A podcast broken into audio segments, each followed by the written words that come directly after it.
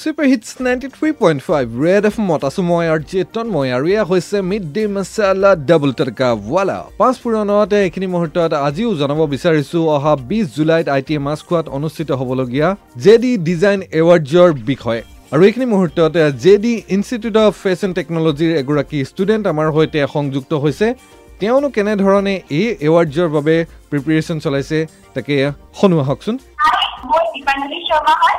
Fashion ডিজাইনিঙৰ ডিপাৰ্টমেণ্টৰ পৰা এইবাৰৰ আমাৰ থিমটো হৈছে সুইচ সুইচ মানে ইনষ্টেণ্ট চেঞ্জ মোৰ কাৰণে আৰু তাৰ আমি কাপোৰ হৈছে মডেল লাইফ আমাৰ গাৰ্মেণ্টছ এনেকুৱা যে মানে নৰ্মেল কাপোৰৰ আণ্ডাৰ মানে ডিজাইনটা দেখা পোৱা হৈ যায় কিন্তু আমি আমাৰ এনেকুৱা মেটেৰিয়েল ইউজ কৰিছোঁ যোনটো আণ্ডাৰ হ'লেও ডিজাইনটো মানে স্পষ্ট হৈ দেখা পায় বহুত এক্সাইটেড হৈ আছো। আমাৰ বহুত প্ৰচেছ কৰি কৰি কৰি কৰি আমাৰ এতিয়া আল্টিমেটলি টাইম আহিছে আৰু আমাৰ গাৰ্মেণ্টবিলাক হৈ আছে ৰেডি হয়। আৰু বহুত এক্সাইটেড আৰু। তুমি অকলে কৰিছানে মানে গ্ৰুপ ৱাইজ কৰি আছা তোমালোকে?